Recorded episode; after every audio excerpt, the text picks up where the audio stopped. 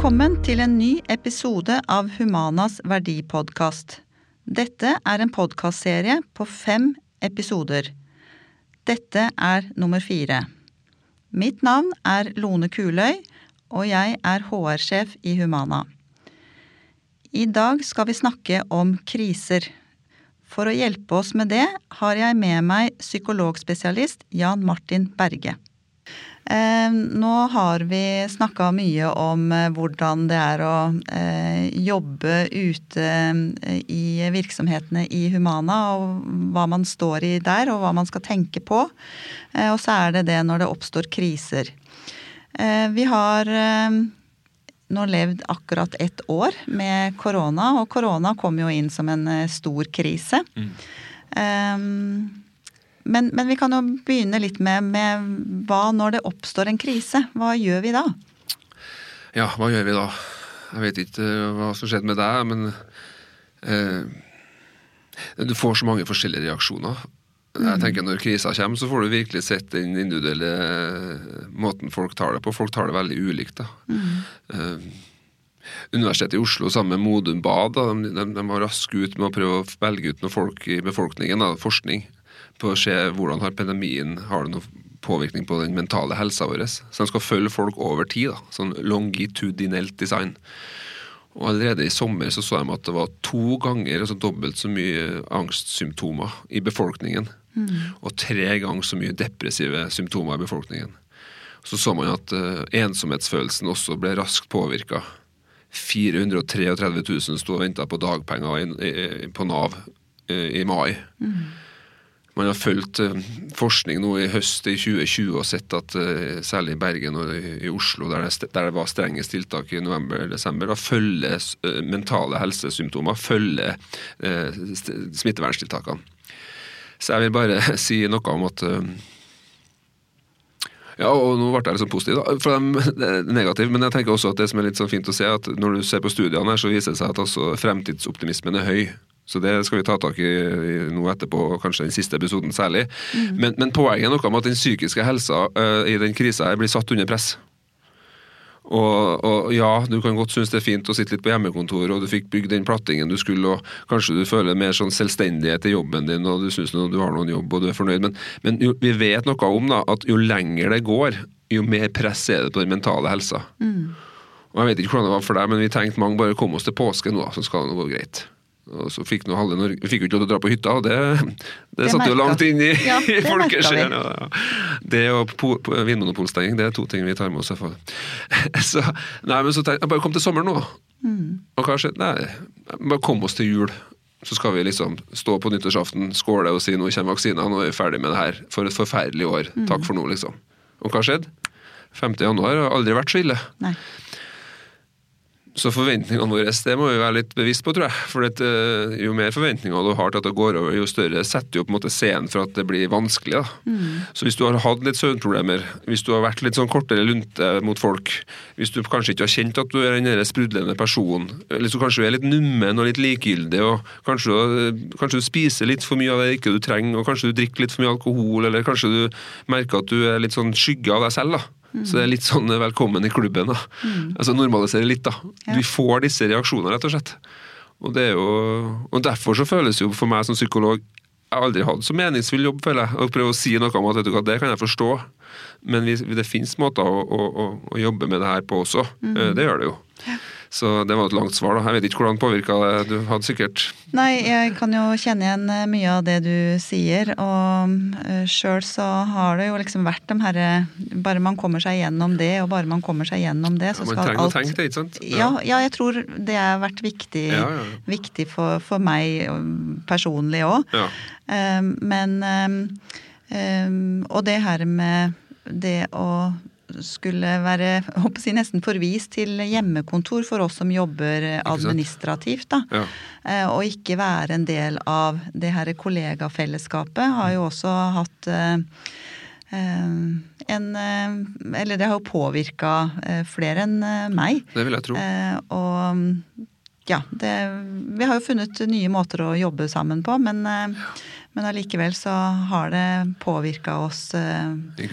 Fått en ganske voldsom eh, påvirkning. Ja, det har jo det. Mm. Enn der ute, da? Folk som er der ute, har du Er litt sånn samme at de må merke at Ja, det, altså jeg tror at uh, flere av dem ute i uh, miljøet, eh, dem har jo sine eh, beboere, de har sine rutiner og er på en måte sammen. De har jo ikke kunnet trekke seg tilbake på hjemmekontor. Eh, men de har jo stått kanskje i en mye større eh, redsel for, eh, for smitte, f.eks. ja, sånne ting. Sant? Tiltak. Veldig strenge tiltak. Strenge Og så er det så tiltak. smittsomt at du Ja. Ja. ja. Og, og det her med også skulle måtte gå på jobb, da. Mm. Eh, også hvis det er smitte der ute. Mm. Det har jo også vært en, eh, en tøff Det er situasjon kjempekrevende. for Og når jeg snakker om psykologisk trygghet, så, så, så, så, er det jo reptilhjernen i hjernen. De som jobber der ute, vet hva jeg snakker om, for det er folk som er gode på traumer og krisetraume. Reptilhjernen den fyrer jo for at den skal ta vare på oss. Fight. Enten så må du fighte der, eller så må du flighte, du må stikke av, eller så må du late som du er død. Det er liksom naturen som sier det. Reptilhjernen, amygdala, den er jo med på å fyre når vi oppdager en trussel. Og det skjer når det er krise, og det er jo bra. Hvis ikke du har den, så har vi blitt spist opp av løver for mange år siden. Ja. Men poenget når jeg snakker om psykologisk trygghet, så er jo at vi ønsker arbeidsmiljø der det ikke fyrer reptilhjernen så mye. Psykologisk trygghet er noen som sa hun Aspås, jeg kjenner jo Katrine litt. Katrine Aspås, hun sier sånn no, no, I norsk arbeidsliv så er det sånn eh, Windows 95 på innsiden i, i, hos ansatte. Det fyrer i reptilhjernen. For å ha psykologisk trygghet så må, så må vi ikke ha reptilhjernefyring. Vi trenger et oppgra oppgradering av Windows 95. Og Det er jo nesten uforenlig med en pandemi. For hvis du har en pandemi gående, så må du jo ha reptilhjernen som, som fyrer litt. Hvis ikke så hadde vi jo blitt smitta, og da våre sykehus er jo ikke, eh, vi er jo ikke rigga for det. Nei. Så kjempekrevende situasjon for mange. Også for dem som jobber hos dere, tenker jeg, som må ut og følge disse strenge rutinene og virkelig og, og vet, og jeg tenker også det å presse på ja, beboere, kunder, samarbeidspartnere. Du får liksom ikke det beste ut av, og, og veldig mange i Norge har jo også vært redd for alle disse unge folkene som ja, Hvordan går det med dem som kanskje ikke har det så bra fra før? Får de det enda verre nå, liksom? Så Et bilde jeg har på det her er sånn toleransevindu. Det bruker man også i krise- og, og, og, toler, krise- og, traumeteorien. da. Når vi har store forhold i det toleransevinduet ja, Mannen min, kona mi, alle er greie. Barna mine oppfører seg som barn. Ja, ja, jeg har kjempemye tålmodighet. Alt går fint. God psykisk helse handler om å kunne tåle dårlige følelser. For eksempel, jeg tåler å ha litt vanskelig. Og tankene mine er, det- Jeg klarer å gi slipp på tankene. Tanker er som skyer på himmelen. Svære forhold i toleransevinduet. Da har vi det bra. Ja. Min erfaring det er at mange har litt smale forhold i toleransevinduet sitt nå. Og, og, og da får vi disse normale symptomene på en unormal hendelse. Ja. Situasjon. Ehm, vi er jo, altså Det her med korona, det, det har jo påvirka oss alle sammen. Ehm, men um, hvordan kan vi minne oss sjøl og andre på hva vi faktisk trenger i den situasjonen her? Ja. Det var noen som sa til meg at vi vil gjerne at du kommer og holder foredrag. Så sa jeg ja, det gjør jeg gjerne. Webinar, ja. Men hvis du sier til oss at vi må gå tur en gang til, så, slå, så får ikke oppdraget. Nei. Kom deg ut og få frisk luft. folk er eh, dritleie av å høre at de skal gå tur. Ja. Nei, jeg tror det er mer enn det som skal til, for og det skal vi snakke om i den siste episoden. Skal, jeg- skal prøve å si fire ting som er med på å bygge mentale muskler. Ja. For hva er det, og det tror jeg mange som jobber med Mano fascineres av. Hva er det som gjør at noen har det jævlig i livet sitt når de er liten, og så vokser de opp og blir nydelige folk? Løvetannsbarn. Hva er det som gjør det? Og det viser forskning på resiliens, altså motstandsdyktighet. Det viser seg at det går an å bygge. Så det, det tenkte jeg i den siste episoden. Ta, bare kom med de punktene som handler om hvordan tar du vare på flokken din. da. Ja. Hvordan sørger du for å ta vare på deg sjøl? Og litt dere mening. ja. Jeg tenker, Det er en av grunnene til at jeg stiller opp her. Når jeg leser om dere, dere eh, mange av dere, Hvis vi har tatt bort alle jobbene til mange av dem som jobber i Humana, så hadde det blitt synlig hvor viktig jobben er for det de gjør. Så mening er jo en sentral del her, altså. ja.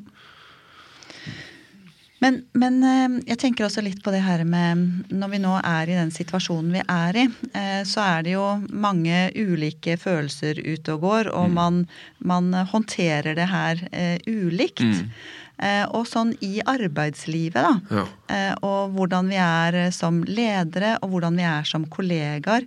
Det her med betydningen av raushet. ja, for eksempel. Hva Jeg syns det er så fint at du sier, for jeg, jeg håper jo at folk minner seg selv på, apropos det du spurte om i sted, hva er viktig at vi minner oss på nå. Jeg tenker at det er viktig at vi minner oss selv på at det her er et skjebnefellesskap. Det er ingen sin skyld, på en måte. Og at eh, kanskje nå er tiden inne for å prøve å være ekstra tolerant mot andre, men også overfor seg selv. Jeg har så mange som driver og behandler seg selv ganske sånn hardt og stygt og strengt, men så er de ganske ålreite med andre. Skal alt du gjør være en tier? Ja, alt skal være en tier. Ja, Sier du det til beste venninna di òg? Nei, nei, nei. Så begynner de å flire når jeg spør sånn. Å ta en holdningsundersøkelse med en selv, da.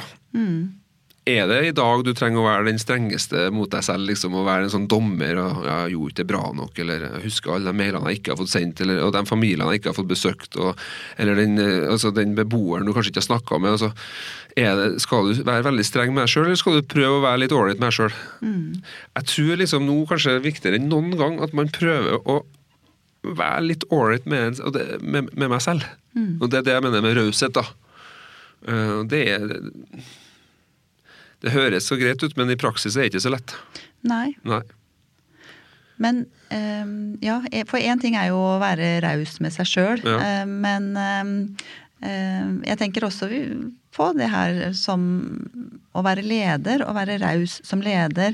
Det å være raus mot en kollega eh, som eh, kanskje kommer med et uh, irritasjonsutbrudd, eller altså at man liksom har litt mer eh, rom da for å Ja. komme med ulike typer følelser. Ja.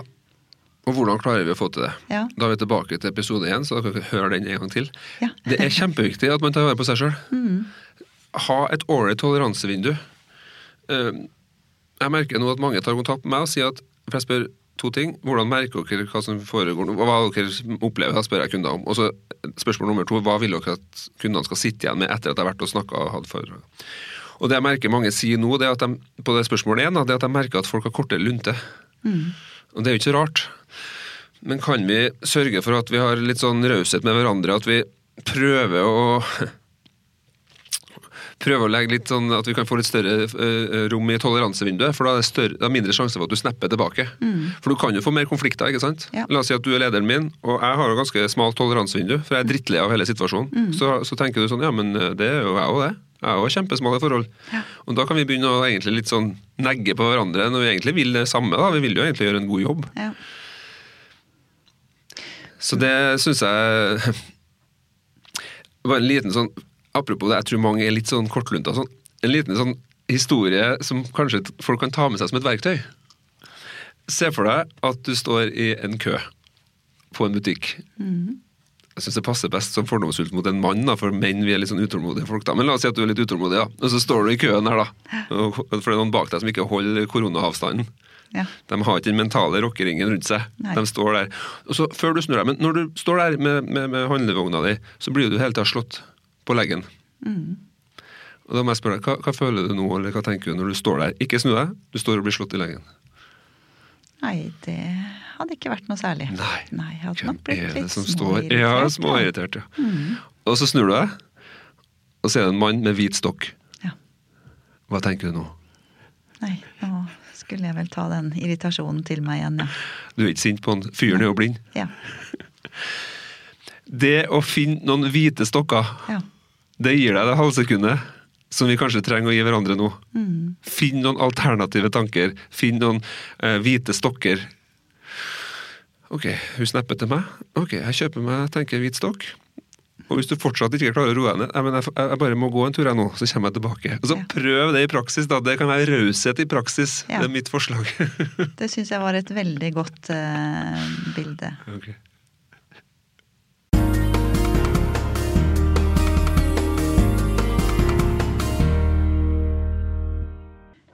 Verdiintervjuet prater vi med medarbeidere i Humana om deres verdier. Ja, det er Monica Knutsen. Jeg er 44, og så jobber jeg på Gimlekollen avdeling. Ja, og jeg heter Karianne, Karianne Reine, jeg er 46 år. Eh, jobber i Humana Ung barnevern på avdeling Gimlekollen. Ja, sammen, sammen med Monica. Hva mener du er det aller viktigste for å ivareta et støttende arbeidsmiljø? Eh, vi, jo, vi jobber jo sammen, og vi har jo snakka veldig mye om kanskje det aller viktigste er jo den støtten vi gir hverandre i teamet. Vi jobber jo medlever akkurat i, i, i vår jobb, da. Så, eh, og da bor vi sammen i tre av fire døgn, så det er klart at det er kanskje det som er det viktigste. Jeg tenker òg det med å være eh, rause overfor hverandre. Eh, eh, ja, i form av hvordan vi jobber og hvilke mm, avgjørelser vi tar, og at vi har eh, ja, hverandres eh, rygg, holdt jeg på å si. Um, ja. ja vi, har, vi, jobber jo i samme team der, og, og eh, jeg vil si at vi har et veldig godt arbeidsmiljø. og Mye av det handler sånn som jeg ser det om at vi er gode på å anerkjenne hverandre og hverandres styrker. Mm. Så det med anerkjennelse Og vi har òg en leder der som vi opplever eh, både at vi har tillit til, men òg gir oss mm. tillit. At han lar oss få lov til å være Ja, gjøre de ting Altså gjøre de tingene vi er gode på, den, de forskjellige. Og, ja. Det betyr mm. ganske mye. Fortell meg om en gang en kollega stilte opp for deg. Jeg føler jeg har mange historier om kollegaer som stiller opp. Og det som er litt med sånn som vi jobber, så både så er mye av det ganske taushetsbelagt, og så er det innenfor ungdom og institusjon så er det vanskelig hvis jeg på en måte har en eh, Jeg har hatt et tøft skifte, eller det er noe jeg liksom ikke klarer å lande helt eller bli helt kvitt når jeg går av etter liksom sånn ja, fire døgn, som kan være intense. Så har jeg, og for Monica er jo et godt eksempel på en som jeg har stilt opp mange ganger. hvor Jeg bare, jeg, jeg trenger ikke å fortelle så mye, hun vet jo hva jeg står i. Så bare at nå, åh, nå kommer jeg ikke helt av. Mm. Eller kanskje det som eh, jeg har hatt mest behov for, er når jeg liksom vi har så små fremskritt noen ganger. Det er liksom ett skritt fram og to mm. tilbake. Og det å liksom gå hjem fra jobb og så åh, eh, åh Denne gangen følte jeg liksom ikke det var helt 100. Og det å kunne ringe da til f.eks. Monica og si at å, nå føler jeg ikke jeg gjør noen god jobb, så trenger hun liksom ikke å si så mye heller. Nei, det er mer bare at uh, hun vet hvordan den følelsen er da. ikke sant? Og det, det er kanskje det som har betydd aller mest. Det, vi er litt som ungdommene, vi trenger òg å bli møtt på følelser. Ja, vi gjør det. Ja. Hva gjør du for å motivere deg? Nei, det er jo noe med den eh, den kulturen, eller hva, det samarbeidet vi har her på Gimlekollen. Det gode kollegieskapet og eh, Jeg gleder meg til å gå på jobb. Og vi, det at vi alle er engasjert mm. i å eh, dra i riktig retning da, i forhold til ungdommen, eh, det er veldig motiverende, syns jeg. Mm. Og eh, det at en ser tidligere ungdom vi også har jobba med her, eh, som har gitt resultater i etterkant, muligens ikke der og da, mm. men en ser at det stykket jobb, eh, eller det vi har lagt inn, har gitt veldig gode resultater. Og det er jo en utrolig god drivkraft og motivasjon. Mm. Du ser at en kollega ikke arbeider etter våre rutiner. Hva gjør du da? Spiller det noen rolle for deg om det er en kollega du liker bedre enn andre? Ja, for jeg tenker jo igjen da, vi som jobber i et team som på en måte er godt kjent, da er det jo mye lettere å kunne ta ting eh, eh, hvis underveis. Ser, ja, underveis. Hvis en mm. ser at det er noen rutiner, så det, jeg vil jeg tro at det er lettere å ta det med noen en kjenner godt, framfor mm. hvis en har inne en vikar. I hvert fall måten en sier det på. Um, jo, jeg ønsker jo å si ting på en måte som jeg sjøl hadde likt å fått eh, i retur. Det er jo litt det det handler om. Ja. Sånn at det at noen ringer til meg og skjeller og smeller eh, fordi at jeg ikke har gjort sånn og sånn. Sånn og liksom. sånn. Ja. så tenker jeg oi, eh, var det nødvendig? Kunne de ikke ringt og så heller på en måte eh, ja, Ja. sagt det på en annen måte? For det, det har mye for meg å si, da. Men da, relasjonen mellom kollegaene ligger jo på en måte i bunnen her. For Mm. er sånn som Monica og meg, som er så trygge på hverandres hensikter, på en måte. Mm. Der trenger vi jo ikke å strø sukker eller noen ting på. Det er bare å si åh, ble ikke det feil? Og sånn, og, altså, det er sånn Mm. Eh, Kunne du ha gjort det på en annen måte? Ja, så syns du dette gikk? ned?